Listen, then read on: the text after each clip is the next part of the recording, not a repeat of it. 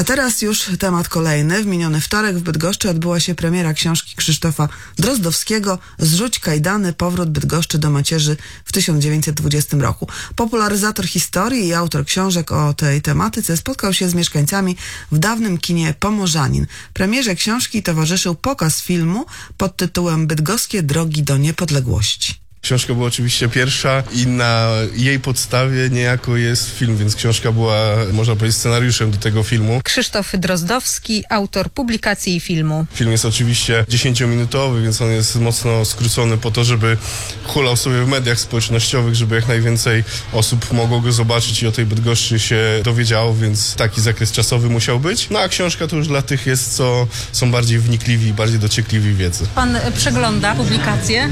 Tak, tak. Ta historia Bydgoszczy jest panu bliska. Od urodzenia mieszkam w Bydgoszczy. Ojciec też urodził się w Bydgoszczy, także tradycje rodzinne. Dwa dni poświęciłem na konferencję specjalną naukową, z której jestem bardzo zadowolony. A teraz jakby na zwieńczenie tego pięknego czasu świętowania stulecia powrotu Bydgoszczy do macierzy. Tu właśnie książka Krzysztofa Drozdowskiego Zrzucić kajdany, powrót Bydgoszczy do macierzy i też y, z przyjemnością poczytamy sobie to, co zapewne większość już y, słyszałem, choćby podczas tej konferencji, widziałem podczas inscenizacji. No, interesuję się swoim miastem od lat i wiele rzeczy wiem, ale jest to zawsze jakieś usystematyzowanie, jest to zawsze jakiś element na półce, do którego można w razie czego sięgnąć i coś sprawdzić. No tak, napisałem już 13 książek, w tym większość na tematy tutaj historii Bydgoszczy i regionu. No i tak pomyślałem sobie pół roku temu, że taka okazja nadarzy się tylko raz, kolejnego stulecia raczej nie dożyję, chociażbym sobie życzył. No i stąd też pomysł, żeby w taki sposób uczcić też to stulecie właśnie książką. Narracja książki zaczyna się w 1914 roku, kiedy wybucha pierwsza wojna światowa, kiedy Polacy tak naprawdę dostają duży asumpt do tego, żeby tą niepodległość odzyskać i to się ostatecznie udaje w 1918 roku.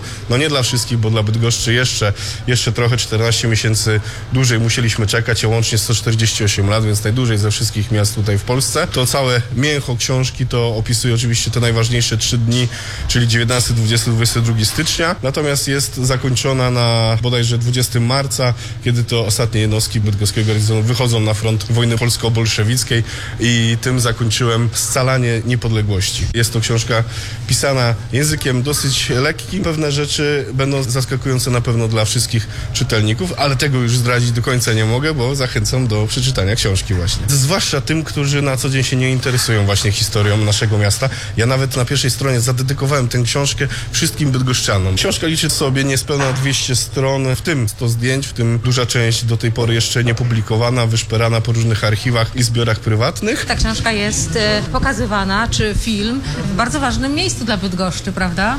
Tak jest. Powiem jedną ciekawą rzecz. W 21 stycznia 1920 roku ogłoszono na 22 stycznia Wielkie Święto Narodowe. I kino Pomorzanin, a wtedy Crystal Palace, brało w tym święcie udział. Michał Orzechowski, Fundacja Kino Pomorzanin. Mieliśmy tu wielki program świąteczny, były o godzinie 16 i godzinie 18.15 świąteczne seanse dla Bydgoszczan. Więc kino od samego początku uczestniczy w tej historii, w tej wielkiej polskiej, bydgoskiej historii. Dla mnie najważniejsze jest to, że po tych 100 latach jest szansa, żeby Pomorzanin znowu zaczął żyć, żeby przywrócić go Bydgoszczanom. Rok 2019 to było kilkadziesiąt wydarzeń kulturalnych. Niektóre bardzo pięknych, wielkich. E, mieliśmy pierwszy po kilkunastu latach Bydgoszczy Festiwal Muzyki Dawnej Bydgoska Scena Barokowa. Były tutaj projekcje filmów, była huczna repremiera filmu Sąsiedzi Aleksandra Ścibora Rylskiego i premiera książki Sąsiedzi profesorów Zwierzchowskiego i Buzka. Na ten rok mamy również piękne plany. Jesteśmy w trakcie składania wniosków o finansowanie, bo chcemy, żeby Pomorzanin żył dzięki takiemu partnerstwu publiczno-prywatnemu. Pomorzanin też buduje społeczność. Bierze w tym udział kilkanaście organizacji pozarządowych.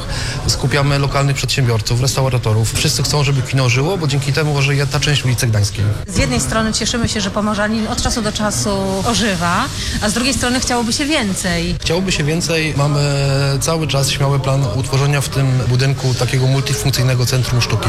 Chcemy, żeby tutaj była sala koncertowa, sala kinowa, sala teatralna, przestrzeń do organizowania wystaw i konferencji. Do tego są potrzebne pieniądze. Trochę tych pieniędzy mamy, natomiast czekamy na taki większy zastrzyk finansowy. Koszt utworzenia tego multifunkcyjnego centrum sztuki no, waha się między 7 a 12 milionów, w zależności od tego, jaki standard, szczególnie wyposażenia będziemy chcieli tutaj montować. Bardzo liczę, że w tym roku uda się coś dostać z Ministerstwa Kultury i Dziedzictwa Narodowego. Prowadzimy rozmowy, rozmawiamy z e, politykami związanymi z Bydgoszczą, bo my czujemy to wsparcie wsparcie, natomiast chcielibyśmy, żeby to wsparcie przełożyło się też na jakieś wymierne rezultaty. No to kiedy jest szansa na to, że to miejsce będzie żyło na co dzień?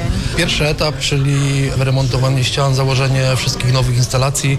Myślę, że jeśli będą pieniądze, uda się to zrobić w ciągu roku, a w następnym etapie będziemy doposażać obiekt w nowoczesne oświetlenie, e, system projekcyjny, e, no to wszystko, czego oczekują od nas ludzie. Państwo jak zaczęliście mierzyć się z tym miejscem, to zakładaliście, że uda się to zrobić wcześniej. E, Zakładałem, że proces będzie trwał około trzech lat. Ten proces się wydłuży. Niestety moje marzenia sięgały dalej niż pozwala na to rzeczywistość. Niestety, żeby podjąć taką decyzję o podjęciu głównych prac remontowych, potrzebujemy mieć pewność, że będzie chociaż trochę finansowania publicznego. No to jeszcze na koniec zapytam o te plany na 2020, bo mówił Pan o tym, że to miejsce będzie, tak jak i w zeszłym roku, od czasu do czasu y, ożywało. Czy już macie jakieś takie kalendarium? Mamy cały czas zbieramy. Oprócz tych wydarzeń, które odbywały się w zeszłym roku, cyklicznych, które będziemy powtarzać, czyli festiwalu prologu, festiwalu filmowego Przeźrocza, bydgoskiej sceny barokowej, chcemy też spełnić oczekiwania naszych gości, którzy pamiętają tutaj starsi przemiło z wiatrem, młodzież 30 plus Króla Lwa. Na pewno w czerwcu zorganizujemy coś, co roboczo nazywamy rodzinnym świętem kina, czyli projekcję filmów.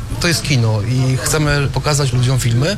Żeby to zrobić, mam do zrobienia jedną główną inwestycję, czyli zakupienie ekranu kinowego, który został tu zdjęty w 2004 bodajże roku. Ten ekran się znowu w tym roku pojawi.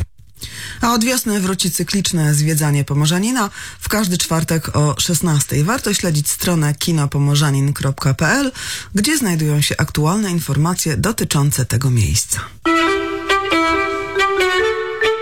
Śniadanie z muzami.